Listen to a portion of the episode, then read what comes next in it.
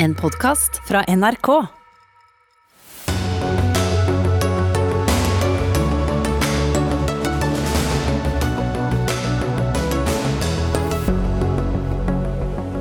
Homobevegelsen har grunn til å føle seg lurt, raser Arbeiderpartiet etter at regjeringen i dag la frem forslaget til forbud mot konverteringsterapi.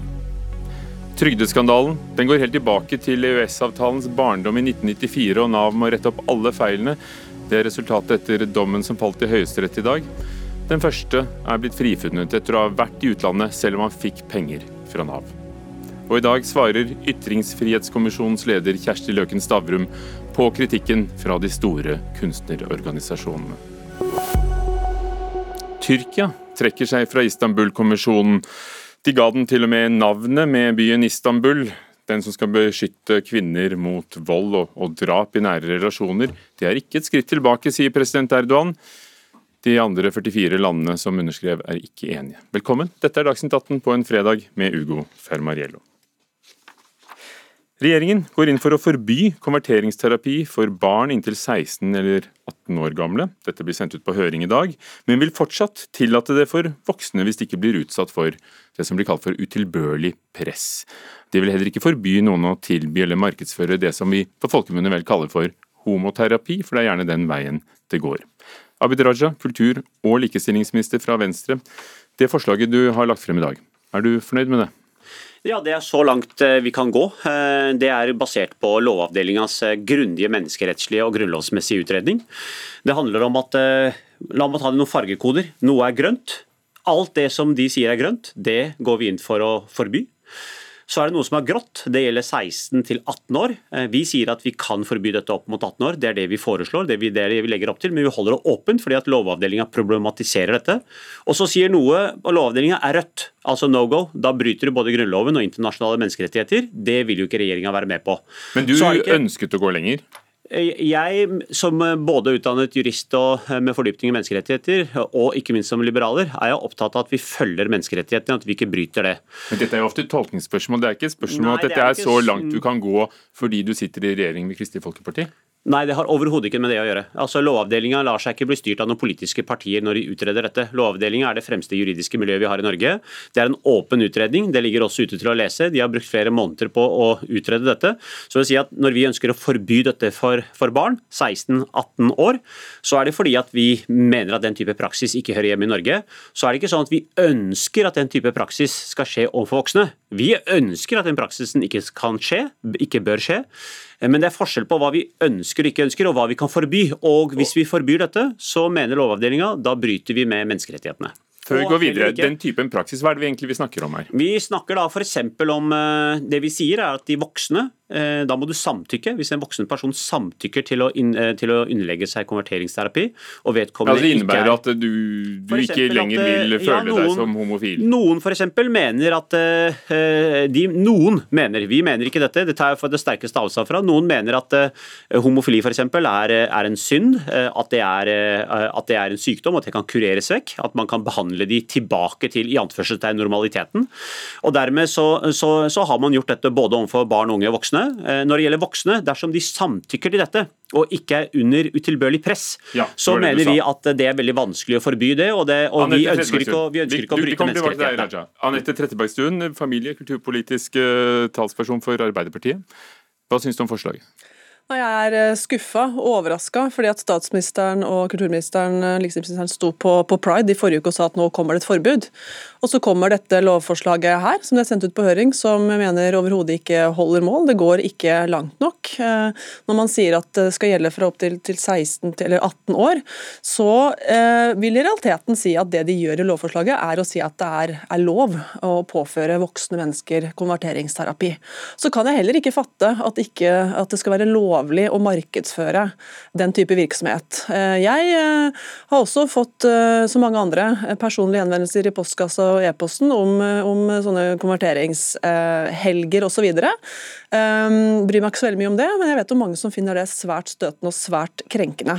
Andre ting som er forbudt i Norge, har man heller ikke lov til å markedsføre, så jeg forstår ikke hvorfor man skal ha lov til det her. Så dette syns vi overhodet ikke går langt nok, og jeg hører hva statsråden sier om Lovavdelingen, men samtidig så hører jeg en annen ting, og det er et KrF som er veldig fornøyd i dag over at de har fått gjennomslag. Så dette må vi se nærmere på. Er det slik at uh, Men hvis du vil gå jo, lenger, og Lovavdelingen sier at det er så langt vi kan yes. gå fordi vi, ja. pga. menneskerettighetskonvensjonen, ja. ja.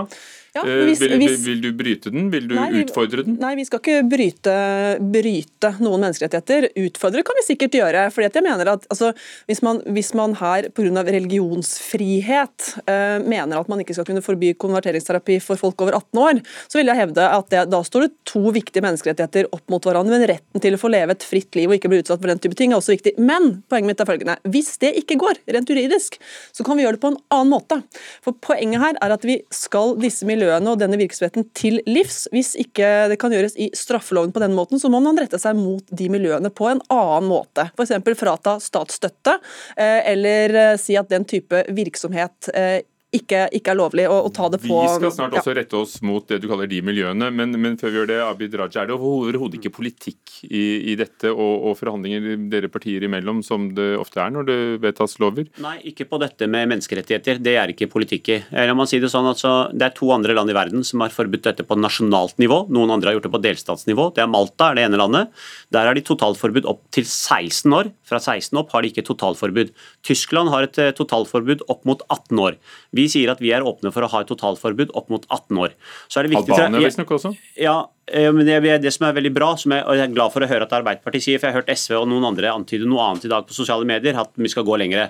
Og Da tror jeg det er viktig for meg å si at hvis Norge går med på å bryte menneskerettighetene, så kan vi ikke gå til Viktor Urban og andre og be de om å følge menneskerettighetene. Jeg tror vi må gjøre dette juridisk riktig, at dette står seg både opp mot Grunnloven og det også står seg opp mot menneskerettigheter. Men vi vil, men vi vil gjøre andre ting for å også bekjempe dette. og Der er jeg enig med Trettenbergstuen at vi må vurdere andre tiltak i tillegg til dette, og det vil vi selvfølgelig gjøre. Men vi kommer til å se på dette her. Konvensjon eller ikke, er det ikke greit at, at voksne mennesker som får, får, et tilbud i posten eller hvor det nå er, blir med på noe? Hvis, de ikke er utsatt for utilbørlig press? Det, det syns eh, det, det synes jeg høres veldig naivt ut, eh, det statsminister og likestillingsministeren sier her. Fordi at Hvis du frivillig går med på å vil la deg konvertere fra din seksuelle legning, så er det en svært betinga frivillighet, for å si det sånn. Da har du gjerne blitt fortalt hele livet ditt at du, er, at du har feil legning. Ofte så er du avhengig av nettverket ditt, familien din, i en menighet. og Alternativet til å bli med på en frivillig konvertering er ofte å bli utstøtt, miste familie og miste nettverk. og Det er det ikke mye frivillighet i. Og Den, er, er det, den type virksomhet men, men vil vi til livs. Det, det forbyr vi også. Hvis du f.eks. blir fortalt at du blir kastet ut av menigheten, du får ikke være med lenger, så er det ikke lenger et samtykke. Det er forbudt. Ja, det rammes av utilbørlig press. Det vil ramme seg utilbørlig press. Hold an litt, dere. Espen Ottosen. Vi kommer til å gå lenger enn det. Espen Ottosen, du representerer eh, representantskapet i Til helhet, eh, som er et tverrkirkelig kontaktforum for seksualitet og kristen tro. Og hva syns du om forslaget som kommer i dag? Nei, Det syns jeg er helt uh, til å leve med. Uh, jeg tror ikke det er nødvendig. Jeg tror ikke det er veldig mye av det som foregår, i hvert fall som jeg kjenner til, i kristne miljøer som vil rammes av dette. Sånn sett så skjønner jeg jo på en måte frustrasjonen fra Anette Trettebergstuen. fordi de har jo ønsket, uh, Arbeiderpartiet og en del andre, å tydeligvis gjøre et eller annet som innebærer at vi i da til helhet må legge helt om. Ja, hva er det dere gjør da? Nei, Vi tilbyr eh, først og fremst samtaler, eh, og derfor faller vi jo ikke innenfor den definisjonen av behandlingslignende eh, aktivitet. Men det som... Ja, for det er definisjonen her. Og, ja. Men, men hva, hva, vil du si til det Anette Trettebergstuen her Nei, sa, om at, at, selv om det er frivillig, så er det ganske betinget frivillighet? Hvis du er i, det... i et miljø, ja. i en menighet hvor det er et press på deg, og du, og du, du sitter selv her med, med en vakker gullinnbundet, skinninnbundet bibel, og, og, at det kan oppfattes som et så press at den frivilligheten er ikke så frivillig? Nei, Jeg syns Anette Trettebergstuen og mange andre snakker altfor lettvint om dette. For vi tror jo ikke at det finnes noe quick fix når det gjelder homoterapi, og at man bare kan endre sin seksuelle legning. Men la meg ta et eksempel som jeg selv har prøvd. En biseksuell mann. Gift, barn, kommer og sier 'jeg er biseksuell, jeg har vært det lenge', jeg tiltrekkes av både menn og kvinner. Jeg syns det er plagsomt at jeg tiltrekkes av menn. Jeg vil være trofast mot kona mi. Jeg vil at dere skal be for meg. Jeg vil gjerne samtale med noen om hvordan jeg skal håndtere dette. Betyr det at vi sier at uh, da kan vi hjelpe deg til å bli kvitt alle biseksuelle tanker? Nei, men vi vil gjerne snakke med vedkommende, be for vedkommende Og som kristen så tror jeg for så vidt at Gud kan gjøre ganske mange under, så jeg vil jo ikke sitte på nasjonal radio og avvise at det også kan skje noe med hans seksualitet.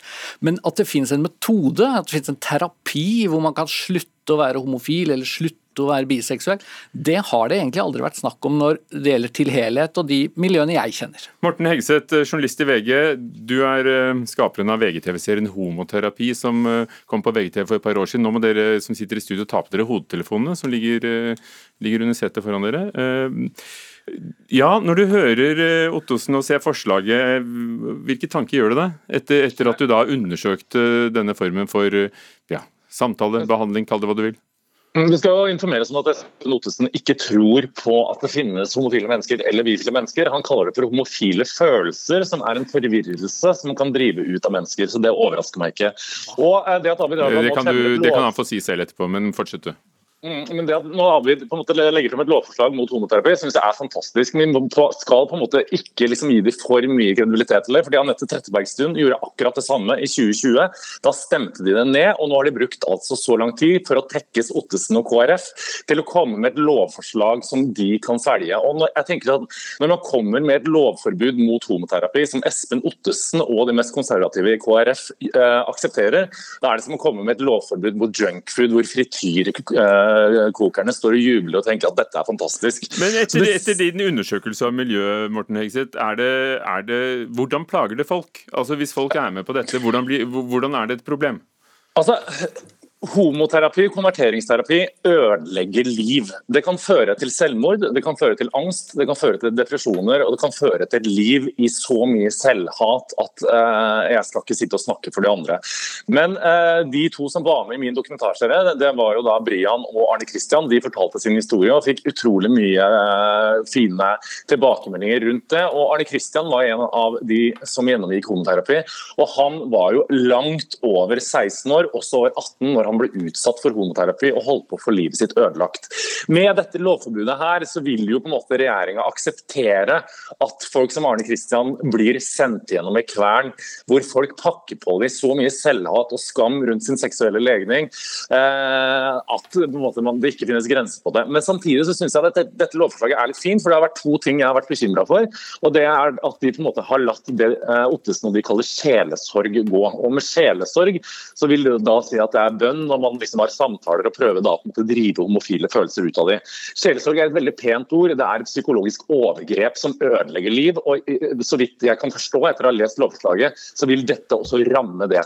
Det, nå, det, som, er viktig, det som er viktig, er å få dette lovforslaget her til å gjelde. altså jeg, jeg tenker at det skal være opp til 18. I utgangspunktet så tenker jeg at det ikke skal være en aldersgrense, men i hvert fall ikke 16. Få det opp til 18. Og så er det også, som Trettebergstuen og flere har nevnt, at det bør være et lovforbud mot å reklamere for det, og også et lovforbud mot å tjene penger på å drive konverteringsterapi, som enkelte i miljøet gjør. Nå skal vi ta det punkt, punktvis her. Politikerne dere får slippe til. Eh, Espen Ottosen, du ble nevnt. Eh, en, er det sånn at du mener at det ikke finnes bifile homofile mennesker? Nei, selvfølgelig ikke. Og det finnes mange kristne som også vil si jeg er homofil, men som Hegseth er inne på. Det er også noen som syns at det er å sette seg selv i en vel lukket bås, og da bruker andre Men du mener du anerkjenner at det finnes ja, selvfølgelig. Og jeg tror også Jeg har møtt mange mennesker som er blitt utsatt for eh, konverteringsterapi for mange år siden. Altså, og en litt sånn lettvint tankegang om at uh, særlig i veldig karismatiske miljøer at dette kan du bli kvitt hvis vi ber for deg, hvis du gjør sånn og sånn. Det funker ofte ikke.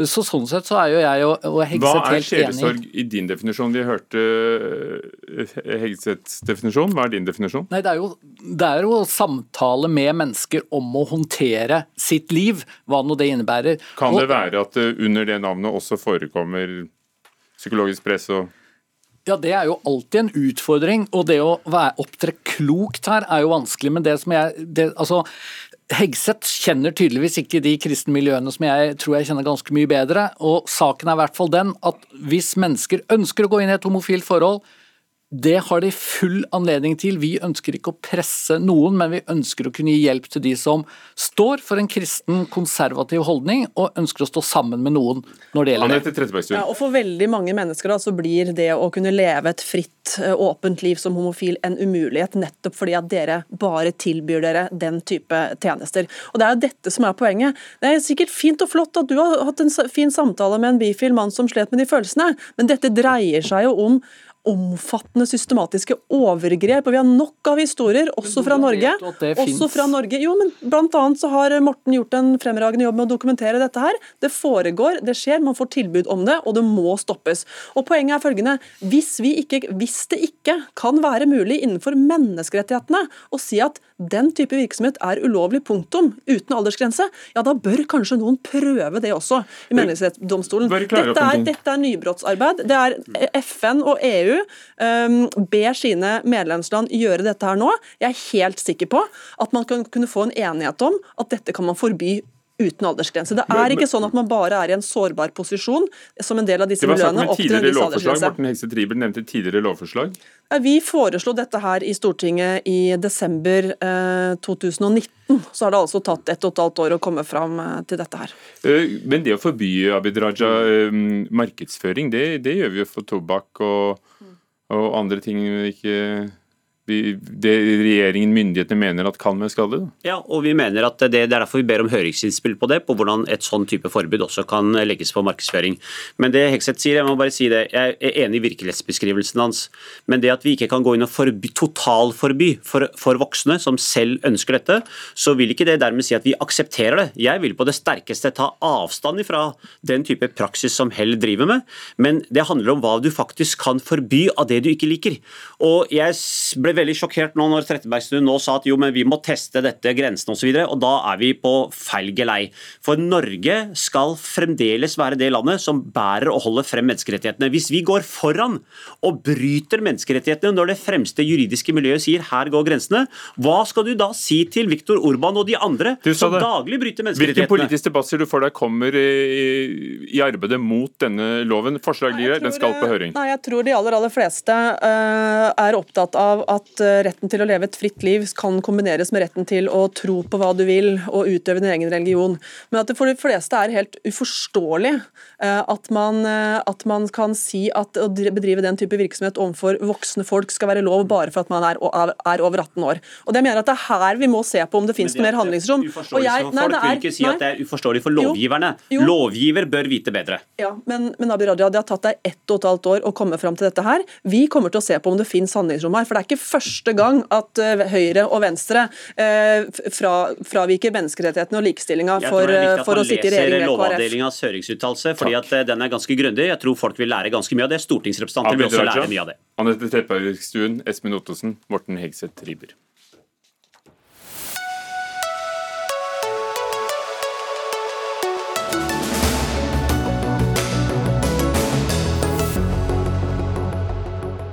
Å utfordre grensene for internasjonal rett, så er det det Norge har gjort når det gjelder eh, trygderett og EØS-avtalen. Helt siden 1994 har vi gjort det. Og nå har regjeringen bedt Nav starte behandlingen av gamle saker etter at Høyesterett i dag slo fast at det som ble kjent som trygdeskandalen også gjelder før 2012, som det først var snakk om, men helt tilbake til EØS-avtalen begynte å gjelde i 1994. En enstemmig høyesterett kom til dette i storkammer i dag. De har frifunnet en tidligere bedrageridømt mann som ble dømt i fengsel for å ha vært i Italia mens han mottok støtte fra Nav. Og Dette er den første av mange saker som kommer, eh, fordi nettopp trygdeskandalen nå strekker seg tilbake helt til 1994. Vegard Reinan, statssekretær for Arbeids- og sosialdepartementet. Hvorfor har det tatt så lang tid å, å få denne dommen avgjort? Allerede i 2019 sa Erna Solberg at det er en skandale, hver stein skal snus. Ja, og det har vi jo satt, satte vi jo gang arbeidet med umiddelbart. Både gjennom forvaltningssporet gjennom Nav, men også gjennom Vi satte ned et egen kommisjon, Arnesen-utvalget, som leverte i fjor. Men så var jo den aller viktigste prosessen den var jo å få avklart hva sier norsk lov. Eh, hvordan er EU-reglene og EØS-reglene å forstå, og hvordan skal norsk lov tolkes. Og Den kan ikke regjeringa gjøre. I en rettsstat som Norge så er det godt å vite at vi har et eh, solid eh, apparat som kan tolke norske lover, og det er Høyesterett som er de som gjør den endelige tolkninga og avklaringa. Og Det har de gjort. Det har de brukt god tid på. De har sendt forespørsel til EFTA, som har kommet ut med en tolkningsuttalelse. Og Basert på den så har Høyesterett i dag konkludert. Og Jeg er veldig glad for at vi får en konklusjon på den saken. og ikke minst er jeg helt sikker på at alle dem som nå sitter og venter på å få sine saker avgjort etter den nye avgjørelsen, også er veldig fornøyd. Ingunn Nikdal, professor ved Institutt for offentlig rett, Universitetet i Oslo, som driver nettopp med trygderett.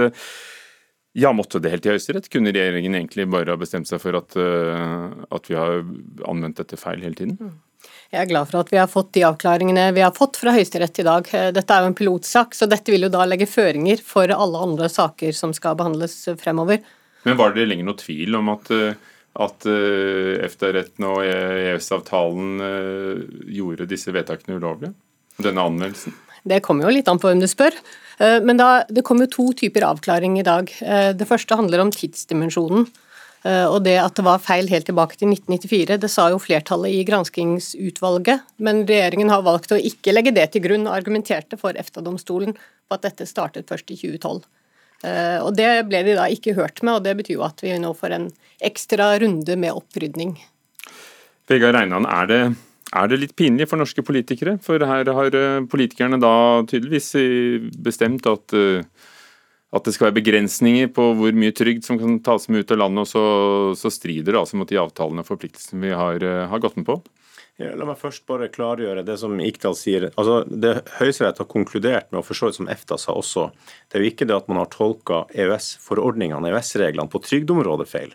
Altså Fra 2012 så har, var det riktig det vi sa i 2019, at, at uh, den var tolka feil. Men før 2012 så er det EØS-avtalens generelle rettighet rettigheter, fri bevegelighet for arbeidstakere, som, som, slår inn. Men det er altså ikke feiltolkning av trygdereglene på det samme området. og Det er en vesens forskjell, for nå har man sagt at EØS-avtalen som overbygning er den som går inn. Men summa summarum så har politikerne trodd at de har hatt et spillerom, de har brukt et spillerom for å begrense, eh, begrense norske borgeres muligheter til å gjøre hva de vil med trygden i EØS. Eh, er det litt pinlig at politikerne har da på en måte tatt seg litt til rette uh, utover de rettighetene vi har hatt som borgere? Tror nok at det, ja, både, både, Høyre og regjeringa som i dag, men også et tverrpolitisk Norge skal erkjenne at her har vi uh, vedtatt lover som ikke har vært i tråd med EØS-lovgivninga. Så vi har fratatt norske borgere rettigheter i forhold til fri bevegelighet innenfor EØS i forhold til det som var grunn, det grunnleggende utgangspunktet. Eh, og Det tror jeg bare vi skal være åpne og ærlige på, at her har det vært en feil. Det har Høyesterett nå konkludert på. Nå må vi rydde opp. Og Hvordan kunne denne feilen oppstå, Ingunn Ikdal? Altså, er det politikerne som har lurt juristene, eller juristene som har lurt politikerne til å tro at vi hadde dette spillerommet innenfor EØS-avtalen? Fordi eh, Her er det jo klart at, at både domstolene og, eh, og Nav som har anvendt dette, og politikerne har aldri tenkt at dette spillerommet har vi. Det har jo vært eh, uklart eh, hvor stort det spillerommet har vært. Eh, og Da kommer vi jo egentlig på den andre typen avklaring vi fikk i dag. At selv etter 2019 så, så dukket det opp litt med et juridisk halmstrå. Da, at kanskje selv om vi ikke har lov til å stille absolutte krav om at folk må være i Norge, kanskje man kunne stille krav om at de måtte få reisen godkjent på forhånd. Og Det høres jo ut som noen juridisk pirk, men det er ganske viktig, fordi mange av sakene handler jo nettopp om det, at folk ble dømt for å ikke ha søkt på forhånd før de reiste ut. Eh, så hvis dette var lov, så ville jo mange av sakene kunne stå seg, skandalen ville kunne være mye mindre. Eh, og Dette har da Norge eh, argumentert for i EFTA-domstolen, men tapte jo der, og tapte også for Høyesterett i dag, som sier at man kan ikke ha særlige vilkår som gjør det vanskeligere å reise fra Halden til Strømstad enn å reise fra Halden til eh, Finnmarksvidda. Og siden også, og dommere har da dømt folk til fengselsstraff i disse sakene, så har også da norske dommere og jurister tenkt at dette, dette kan vi godt gjøre innenfor EØS-avtalen. Mm. Ja, det er klart. Eh, jeg tror ingen har sett dette spørsmålet helt tydelig og tenkt at men vi bare fortsetter som før likevel. Eh, men spørsmålet er jo hvem av oss som kunne ha sett det. Det er klart at På trygderettsfeltet så har det vært et lite fagmiljø. Jeg har ikke vært der så mange år, men heller ikke tidligere har det vært noe særlig mer enn én person om gangen. Eh, og De som har drevet med EØS-rett har vært flere, men heller ikke der har man vært så opptatt av hvilke rettigheter EØS gir enkeltpersoner i situasjoner som dette. Så det er jo en jobb for oss nå. Hans Christian Holte, du er eh, Nav-direktør i dag. Eh, er det også Nav som har gjort feil gjennom alle disse årene? Nav er også en aktør som har gjort feil her. Så det er jo som vi hører her i diskusjonen at dette er det mange som, som har et, et, ansvar for. Men Nav har også gjort feil. Og jeg må si at jeg er, ganske, jeg er veldig fornøyd med at vi har fått den avklaringen i dag. Og det er jo særlig pga. at det er Eh, mennesker som er direkte berørt av de, de sakene som vi snakker om her. Hvordan går det med, med opprydningsjobben, forresten? Jo, eh, det går eh, bra. Det er sånn at Vi har gått gjennom sakene til over 60 000 personer. 62 000. Vi har funnet ut at snaut 7000 personer er berørt av kan du si, feiltolkningen av av retten som, som ligger i disse sakene. Og vi er nå så å si ferdig med å sørge for tilbakebetalinger osv. Av, av disse sakene. Men alle har ennå ikke fått. De vil vel neppe si at det går bra? Det er eh, Slik som det ligger an nå, så er det noen få hundre saker igjen å behandle som vi vil være ferdig med i september-oktober i år. Men da har dere sett på saker tilbake til 2012. Nå skal dere plutselig se til 1994. Ja, har du noe anelse om hvor stort det omfanget er? Ja, nå er Det sånn at det, det, har vi ikke per i dag. Vi har konsentrert oss om å rette opp det som har vært rettslig avklart har vært feil, og så har vi ventet på denne, denne saken. Men det vi nå vil gjøre, vi har også fått et brev fra departementet i dag.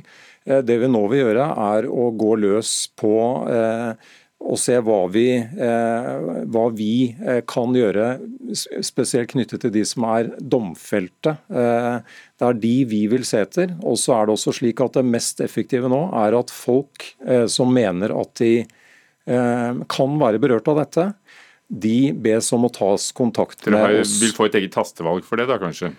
Vi har telefonen. Eh, både på forsiden av nav.no veldig tydelig, og også i, eh, i uh, telefonvalget vårt så har vi en telefon. Vi har 2105, 2105 ja, det... som folk kan ringe. Skal vi merke oss. Er skandalen et eksempel på at det er galt å lete etter smutthull og spillerom når vi skal lage lovene, Vegard Reinan som politiker? Ja, altså, Regjeringa har vært veldig opptatt av at vi skal, vi skal utfordre handlingsrommet Nettopp. i EØS-avtalen. og Det har det jo for så vidt også vært en tverrpolitisk enighet om at man skal gjøre. altså den Selvråderetten er viktig. og Så skal vi selvsagt også overholde internasjonale avtaler og forpliktelser. For Dere er jo varme tilhengere av EØS-avtalen? Ja, da, og EØS-avtalen er jo nettopp den som gir de norske borgerne de her rettighetene som nå eh, Høyesterett har konkludert med. Hadde vi ikke hatt EØS-avtalen, så hadde, det, hadde norsk lov vært rett. Så det er EØS-avtalen det da vise at det egentlig er, er feil å drive og utfordre det, som du sier? altså ja, lete etter smutthull. Tvert imot, vil jeg si. Men det gir oss en enda større forståelse for at vi må være enda grundigere. Vi må gjøre det enda bedre. Og vi må være, også som, som, som Arnesen-utvalget sa, vi må gjøre de her sakene på et bredere høringsnivå. Vi må involvere flere når vi lager lover. Ingunn Nyttdal, vi hørte Abid Raja vise til Lovavdelingen, at vi kan gå så og så langt med ny lov. Har, har juristen i Lovavdelingen sovet i timen her, uh, som har latt disse lovene passere? Vi vet jo ikke noe om hva slags juridiske råd regjeringer har fått på ulike tidspunkter, eh, så det kan vi ikke si noe om.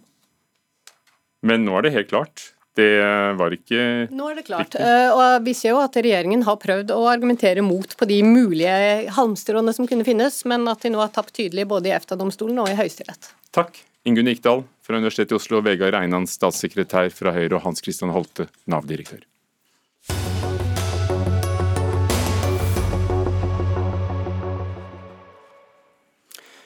Nå har det skjedd. Tyrkia er formelt ute av Istanbul-konvensjonen, og det skjedde i går. Den eh, ble undertegnet så sent som i 2011 av 45 land og EU. Det er Europarådets kommisjon for å forebygge og bekjempe vold mot kvinner og vold i nære relasjoner. Også Norge har ratifisert den. Sissel Wold, korrespondent i Istanbul. Hvordan merket du at eh, dette skjedde i går, da du gikk rundt i gatene? Ja, det var voldsomme demonstrasjoner. Ikke med vold, men det var veldig veldig mye kvinner. Eh, de spilte på trommer, de hadde kledd seg ut. Eh, og det var en maktmanifestasjon fordi at eh, veldig mange kom. Og det som var veldig spesielt, var at nesten flere politifolk kom.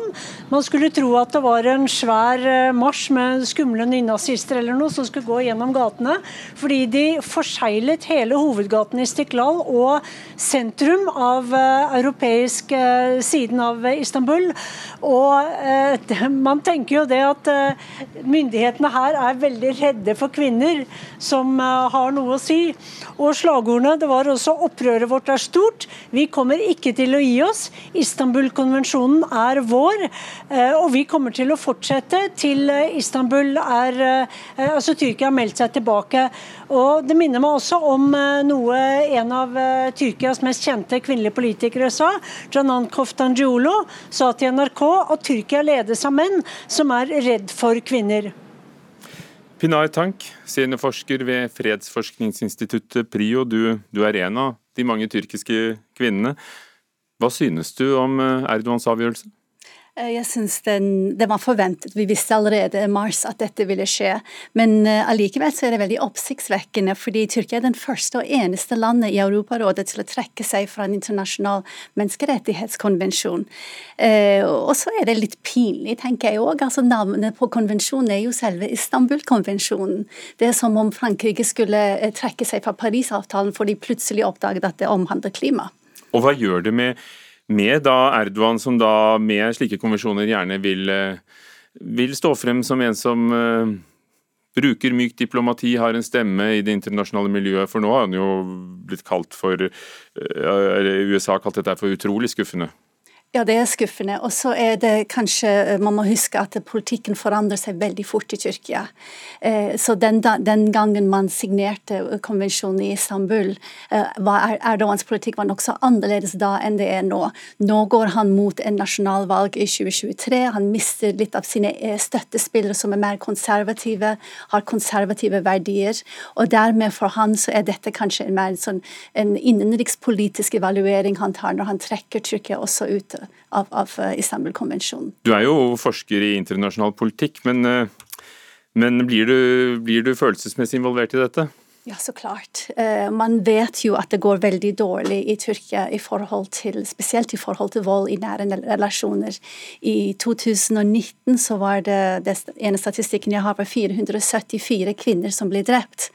Eh, og man ser at det er veldig mange mørketall, og kvinner som eh, skal egentlig, ifølge lovverket i Tyrkia, bli beskyttet, blir ikke beskyttet. Og man straffeforfølger ikke de som, som utøver slike vold mot, mot sine, sine nære. Sissel, hva er grunnen den offisielle grunnen til at Tyrkia trekker seg fra denne konvensjonen? Hva sier Erdogan? Ja, President Erdogan sa at uh, Istanbul-konvensjonen ble brukt av en gruppe mennesker til å normalisere homofili. Uh, dette var en av grunnene, uh, men dette er jo ideologisk og politisk. Fordi at Erdogan og hans parti AKP de er redde for, for, selvstendige kvinner. De vil helst at kvinnene skal føde tre eller fire barn og være hjemme. Det er veldig viktig for dem med konservative familiestrukturer. Eh, og denne konvensjonen tjener jo ikke folk som ønsker det patriarkalske samfunnet som Erdogan ønsker å ha her. Eh, og selvstendige kvinner med egen karriere, som kanskje bryter ut av ekteskapet, kanskje ikke vil ha så mange barn, det er ikke i Erdogans interesse. Han ønsker å skape et annet Tyrkia. Vi hadde nesten gledet oss litt, for vi har invitert den tyrkiske ambassadøren som offisiell talsmann for staten Tyrkia til å komme hit eh, i studio i dag og, og, og, fortelle om regjeringens politikk. Eh, men det, det, fikk vi ikke svar på. Men eh, Pinar Tank, altså, Erdogan sier at dette er ikke et skritt tilbake, og han lanserte samtidig en handlingsplan vold, for vold mot kvinner. Og ja, Hvordan leser du dette? Er dette symptom på veien fra det sekulære Tyrkia til en islamsk stat? Uh, nei, jeg vil ikke gå så langt. Uh, men, jeg, men, jeg, tenker det er veldig viktig å, å se på dette her ikke kun i, i, forhold til en muslimsk ideologi. For dette er jo egentlig en slags uh, global bevegelse som man ser i flere land. Der du har en slags Der man har konservative verdier, autoritære tendenser og populisme som forenes om kjønnsspørsmål. Og da er det ofte slik at det er snakk om å beskytte familien, bevare familien. Det er familien som er viktig viktigere enn individets rettigheter, og det er da spesielt kvinnenes rettigheter. Men det er klart det kommer inn i Tyrkia fra en muslimsk ideologi, men jeg tror ikke vi går mot en slags islamsk stat. Det, det gjør vi nok ikke. Mer en autoritær stat? Definitivt. Mye mer en autoritær stat med konservative verdier. Det er konservative velgere som frykter uh, den liberale uh, tankegodset ja, som ligger i Istanbul-konvensjonen. Men om, om, Erdogan lykkes med å tekkes sine egne velgere i, i Tyrkia, kan han tape innflytelse internasjonalt, tape anseelse? Ja, han, han, taper jo anseelse internasjonalt med dette her, og du ser jo, ja, det er veldig fint å se at det er så store protester i gatene i Stavanger, og det er, Stavanger, Stavanger, meg, i Istanbul, og det er en, en slags uh, en, en, global, um, global uh, reaksjon mot det som Erdogan gjør her. så han taper anseelse, men dette er ikke viktig nok for han. Det, han er mye mer opptatt av andre ting, f.eks. Å, å finne støtte i, sin, i sine støttespillere før valget. Sissel Wold, hvordan, hvordan skal Tyrkia nå håndtere den dystre virkeligheten bak statistikken? Nei, det er uh, veldig mye røre blant aktivistene her. De er veldig aktive på Twitter. Uh, de diskuterer i enkelte aviser. De fleste avisene er jo styrt av uh, Erdogans venner, så det står ikke så mye om dette der. Men det var jo et voldsomt trøkk i mars da dette ble kjent. Og da var det jo demonstrasjoner nærmest daglig. Og disse demonstrasjonene kommer ikke til å stanse opp. Fordi kvinner her har virkelig våknet. Man vil ikke gi fra seg det man eh, er vant til å ha. Pinar, er det blitt flere, eh, flere drap på kvinner i det siste? Er det blitt et større fenomen? Eh, jeg har ikke statistikken, men man, eh, man tenker at det har vært flere pga. covid-situasjonen, slik det har vært i veldig mange andre land også. Men vil et sånn konvensjon egentlig hjelpe? Nei, du, altså Det som er med konvensjonen, er at det, det, er ikke slik at den vil eh, gjøre at det blir um, nødvendigvis implementert, men det gir disse kvinnelige aktivistene en plattform globalt, og, og, og styrker de. Det er en som snakker om at dette har vært en slags safety net, som de nå taper. Takk skal dere ha. Pinar Tank fra Prio og Sissel Wold i Istanbul.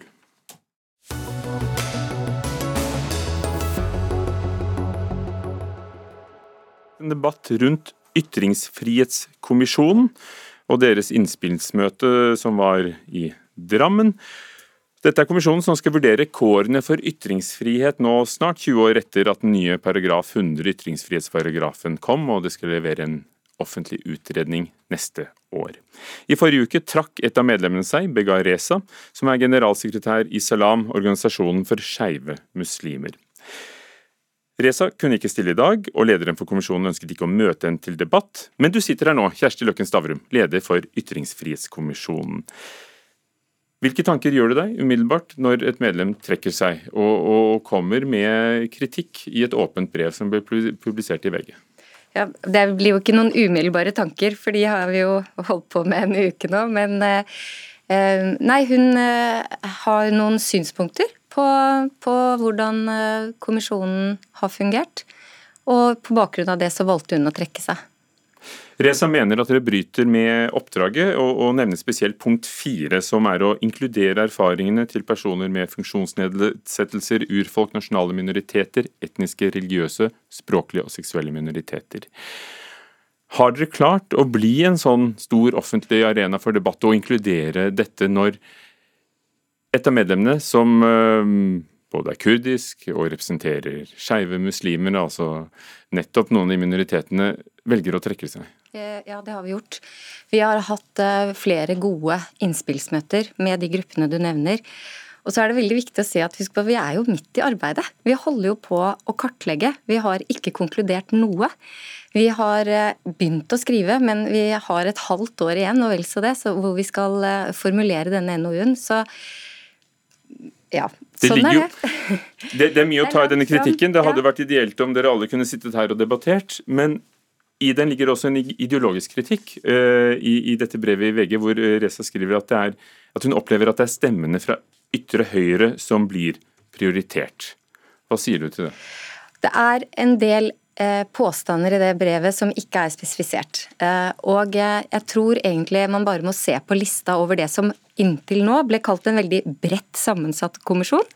Det er ikke nevnt navn på hvem disse høyrestemmene skal være, men jeg tror hvis man går over lista, så tror jeg man skal lete lenge før man finner det, og det har ikke vært et tema på våre møter. Jeg registrerer at ingen flere medlemmer heller har anført den kritikken. Og som sagt, vi, er, eh, vi driver og kartlegger. Vi er i en utredningsfase, rett og slett. Men når et medlem trekker seg og, og opplever bl.a. å ha hørt eh, og jeg siterer, seksualiserte vitser om transpersoner og metoo-aktivister eh, og aktivistisk støtte til, til denne Facebook profilen som kaller seg Sløseriombudsmannen, hvor mange kunstnere har opplevd at i kommentarfeltet har oppstått hatefulle ytringer. Så må jo det som leder for deg være noe du, du tar på alvor?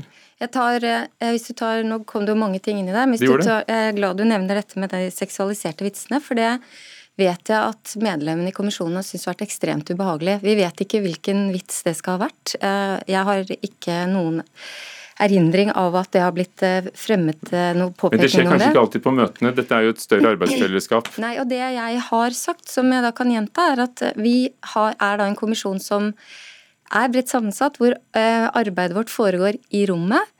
Bega Reza har dessverre vært lite til stede i det rommet der hvor de møtene har funnet sted.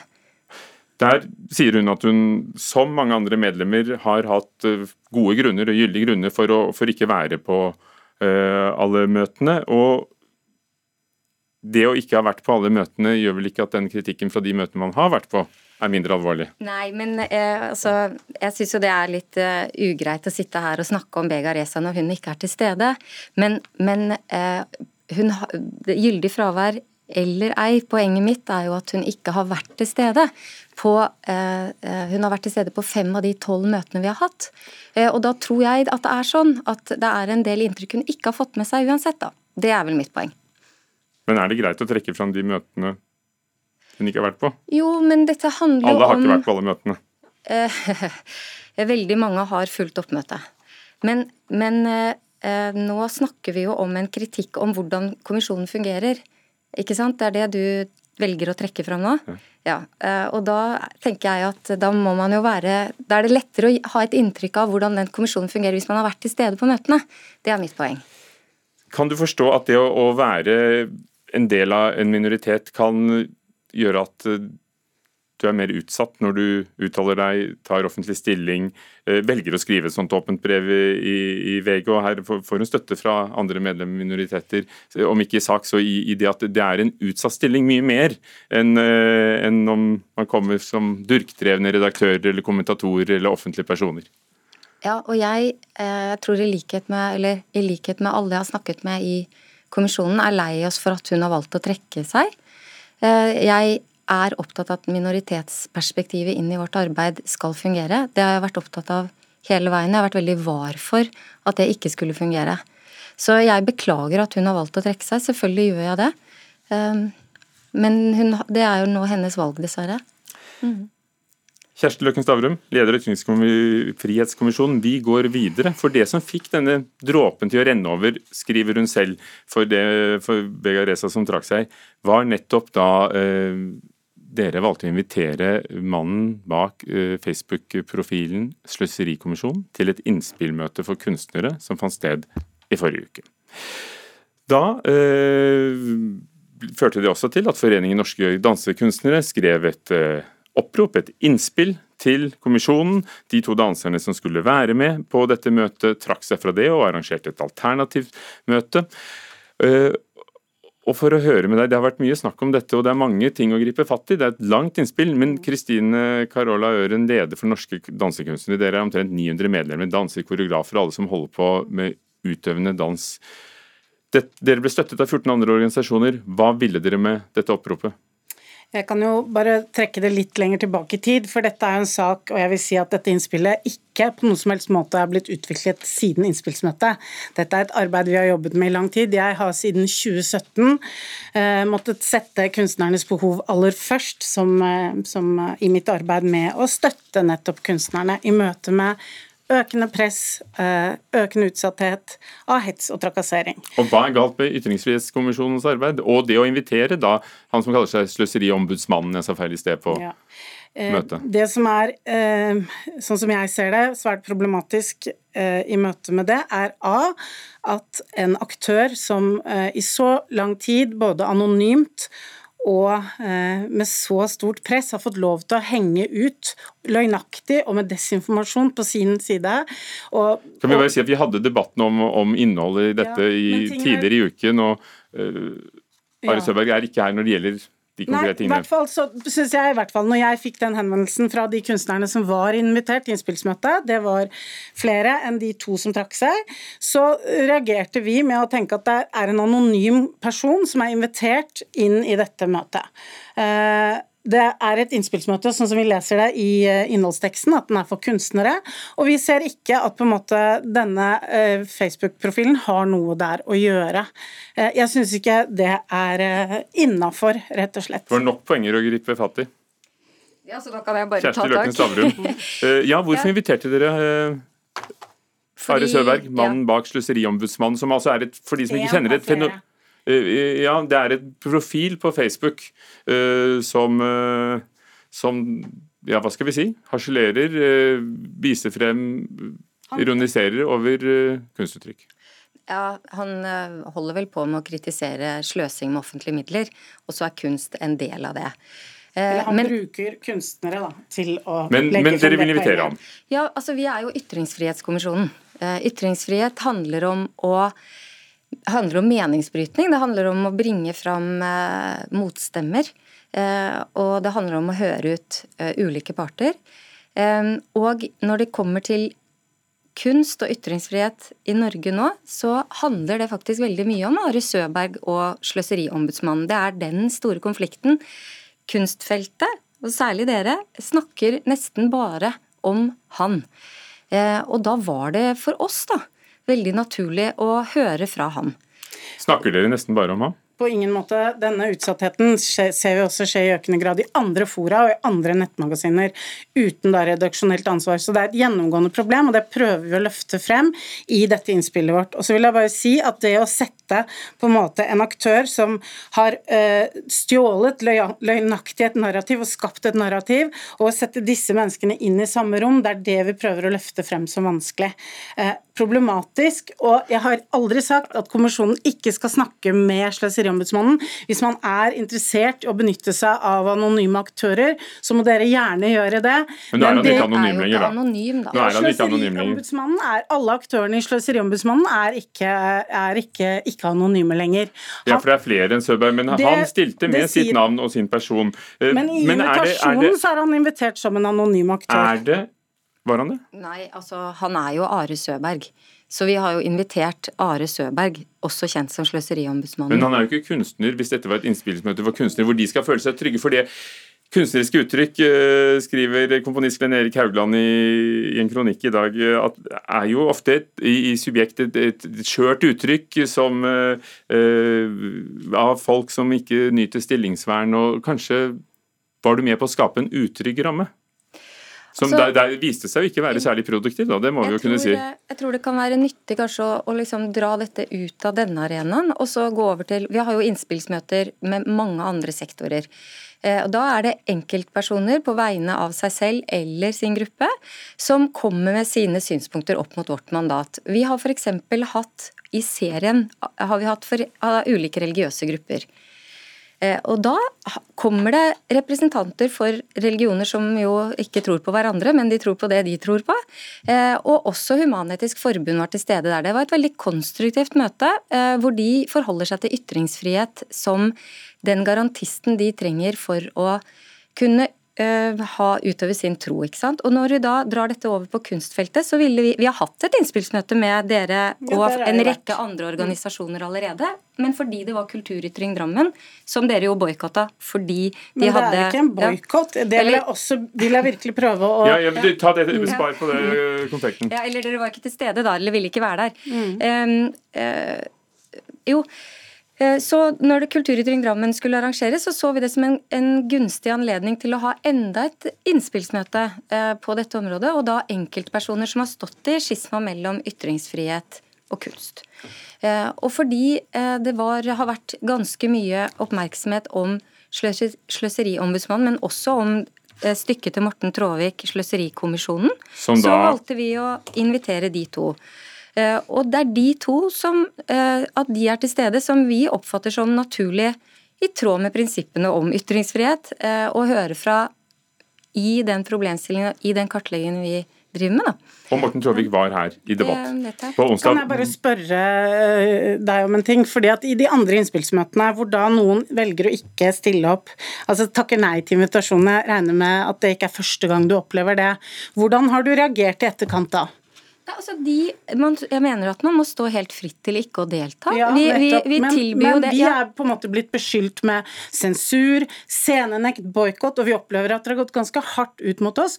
Og det vi har ønsket å rette på en måte ad. En ting er å takke Men, nei til en invitasjon, en annen ting er på en måte måten vi har blitt behandlet på i etterkant. Kristine Carola, kan jeg bare klarere, er det, er det ytringen, er det budskapet dere, dere ikke vil høre, eller Nei, er det det er på ingen måte. Det handler ikke om at ikke vi ikke tåler å høre forskjellige ytringer. Og jeg vil veldig gjerne høre alles ytringer, men jeg vil gjøre det i relasjon til forhold som jeg tenker at er viktig og riktig for meg. Vil... Derfor er jeg her i dag. Derfor kommenterer ikke jeg på Facebook. Men man har råderett over sine egne ytringer. Ikke bare at man skal kunne si det, men hvordan men de blir sagt, og hvordan de blir mottatt. Dere gikk jo ut og fikk støtte fra 14 andre store organisasjoner, fra alt fra forfattere til billedbyggere. Så sånn sett så er vel Nei, det også et, veldig en veldig offentlig handling? Ja, men tingen er den at disse 15 andre kunstnerorganisasjonene støtter ikke selve innspillet vi har kommet med. De viser solidaritet til de kunstnerne som siden 2017 har stått alene i det presset om å bli utsatt for hets og hatefulle ytringer. Og vi snakker ikke bare i kommentarfelt, vi snakker om på døra hjemme hos noen. Vi snakker om... Ja, men det har jo, altså på døra hjemme hos noen har jo ikke noe med en Facebook-profil å gjøre. Eller har det, det? det autom, altså, jeg spør deg. Ja, altså, det er jo det som på en måte vi antar, selvfølgelig. Når, på en måte, når de går så rett uh, i kontakt med de som er løgnaktig fremstilt da, på Facebook, og så får man en uke etterpå en, en At veldig... fyrer opp folk? Selvfølgelig. Kjersti Løkken Stavrum, ja, hvorom allting er, så var du ikke særlig produktivt i hvert fall. Jo for, jo, jo, for kommisjonen var det veldig nyttig. Eh, og jeg eh, vil nok presisere at det står at eh, disse som har undertegnet sammen, er bekymret for hvordan vi håndterer kunstnerne.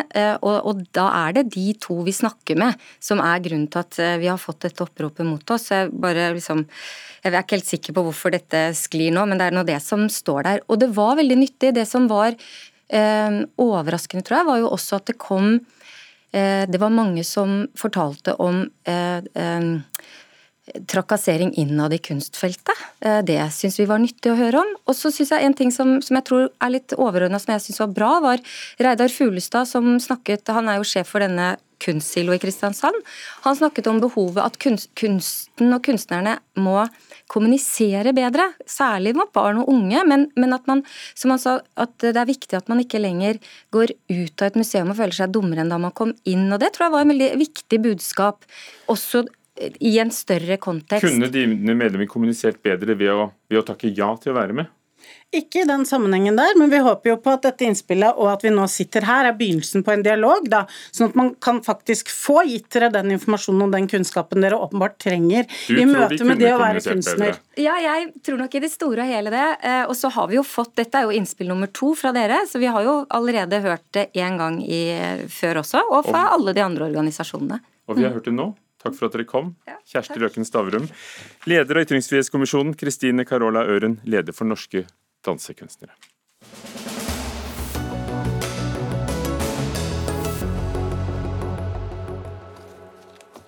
Etter ekstremtemperaturer i USA og Canada, store ødeleggelser i British Columbia, og Canada, hele små byer som har brent ned, så vil Miljøpartiet De Grønne at regjeringen skal erklære klimakrise. Det ber dere om nok en gang. Ulrikke Torgersen, stortingskandidat for MDG i Rogaland. Hva, hva er det dere vil konkret? Vi vil at eh, regjeringen, og spesielt Erna Solberg, skal erklære klimakrise, fordi at vi står midt i en alvorlig natur- og klimakrise som kommer til å ramme min generasjon spesielt veldig hardt. Å kalle klimakrisen for noe annet enn en krise er både feilaktig, og det mener jeg er uansvarlig. For myndighetene leder ikke bare gjennom lover og forskrifter, men også gjennom de ordene vi bruker. Og vi er inne i denne krisen, og FNs generalsekretær ba i desember i fjor om statsledere om å erklære unntakstilstand. Og land som Storbritannia og Frankrike og flere andre land har gjort dette og har fulgt oppfordringen. Og Å sørge for denne felles kriseforståelsen er helt grunnleggende for å møte den store utfordringen vi står overfor. Sveinung Rotevatn, klima- og miljøminister fra Venstre. Det er jo ikke første gang Miljøpartiet De Grønne oppfordrer regjeringen og også Stortinget til å erklære klimakrise. Vi hører andre land som bruker disse ordene. Hvorfor vil ikke din regjering bruke dette ordet? Vi bruker det jo hele tida. Eh, det er ingen tvil om at vi har en klimakrise, vi har en naturkrise. Det sier både jeg og det sier statsministeren. Men du, når du har en krise, så er ikke målet å erklære den, du må håndtere den. Du må kutte utslippene. Og jeg syns ikke at klimapolitikk skal være en konkurranse om hvem som kan bruke størst mulig ord. Jeg synes det skal være en konkurranse om hvem som kan kutte mest mulig utslipp. Og Hvis ikke vi hadde en kriseforståelse, så hadde ikke vi brukt så mye energi som vi har gjort de siste åra på å kutte utslipp, på å få på plass en forpliktende klimaplan. Nå går norske utslipp ned for femte året på rad. Den trenden må fortsette, og det må skje enda raskere. Så, så, så du sier at det er en klimakrise, men du vil bare ikke ha det på papiret med, med brevhodet fra regjeringen? Ja, men Jeg forstår ikke helt hva det er de ber om, for å være helt ærlig i MDG. Fordi Vi har ikke noen tradisjon i Norge for at statsministeren inntar Stortingets talerstol og sier jeg erklærer herved krise. Det er ingen som har gått til Stortinget og erklært koronakrise. Men alle forstår at vi har en koronakrise, og vi bruker så masse tid og energi på å håndtere den. På samme måte så bruker vi masse tid og energi på å håndtere klimakriser og få utslippene til å gå ned. Og de går ned. Og Det må være hele poenget, og ikke konkurrere om hvem som kan bruke størst mulig ord, for det kutter ikke utslipp. Ulrikke Torgersen, Hvordan kan det bli mer enn nettopp bare ord? Det er politikken som, som teller, sier eh, statsråden. Ja, Nå kutter denne regjeringen ikke utslipp. Vi har ti år på oss, egentlig ni år, på å halvere verdens utslipp, og denne regjeringen har kutta kun tre. Så jeg syns ikke denne regjeringen verken håndterer klimakrisen, eller vil da selvfølgelig erklære klimakrise. Og Det er greit at Rotevatn er uenig med FNs generalsekretær og uenig med en rekke andre land, eh, rett under 40 land, som har nettopp gjort dette erklært klimakrise. Men dette er et viktig steg i møte med utfordringene. For vi vet at ord avler handling. Vi vet at ord spesielt fra statsråder, spesielt fra statsministeren, er grunnleggende viktig når vi står overfor en såpass alvorlig krise som vil true eh, livskvaliteten, tryggheten, sikkerheten. Den fører mennesker på flukt. Det bidrar til at folk dør akkurat nå. Så det å erklære klimakrise Jeg syns at Erna Solberg skulle gått på Stortinget og erklært klimakrise. Det er den største trusselen akkurat nå. Og jeg syns det er påfallende at Rotevatn sitter her som et såkalt klimaparti og vil diskutere om vi skal kalle vår største trussel en krise, når det nettopp er det. Rotevatn, politikk er jo også ord og det å få med seg folk. og En ting er hva du sier uh, at det er, men en annen ting er når du sier det på Stortingets talerstol eller kommer med det i nyttårstalen. Men Jeg har nå stått på Stortingets talerstol mange ganger og sagt at vi har en klimakrise. så Jeg, jeg forstår ikke helt hva det er MDG etterlyser her. Det virker som de leter etter noe å være uenig med regjeringa.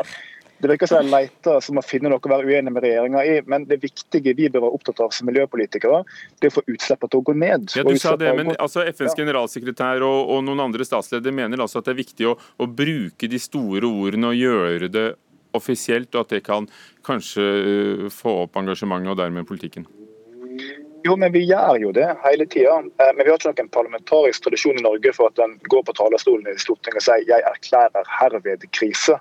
Vi håndterer kriser. Enten det er covid-19-krisa eller det er klimakrisa, så jobber regjeringa for å håndtere det. Og når det er klimakrisa, så er poenget at du må kutte utslipp. Og Da må vi fortsette med den vellykka elbilpolitikken vi har. Vi må investere i karbonfangst og -lagring. Vi må følge følge ja, det er hele politikken, men, men, det blir jo litt som når da Verdens helseorganisasjon og, og, og så myndighetene her sier at ja, nå er det pandemi. Ikke sant? Nå er det klimakrise.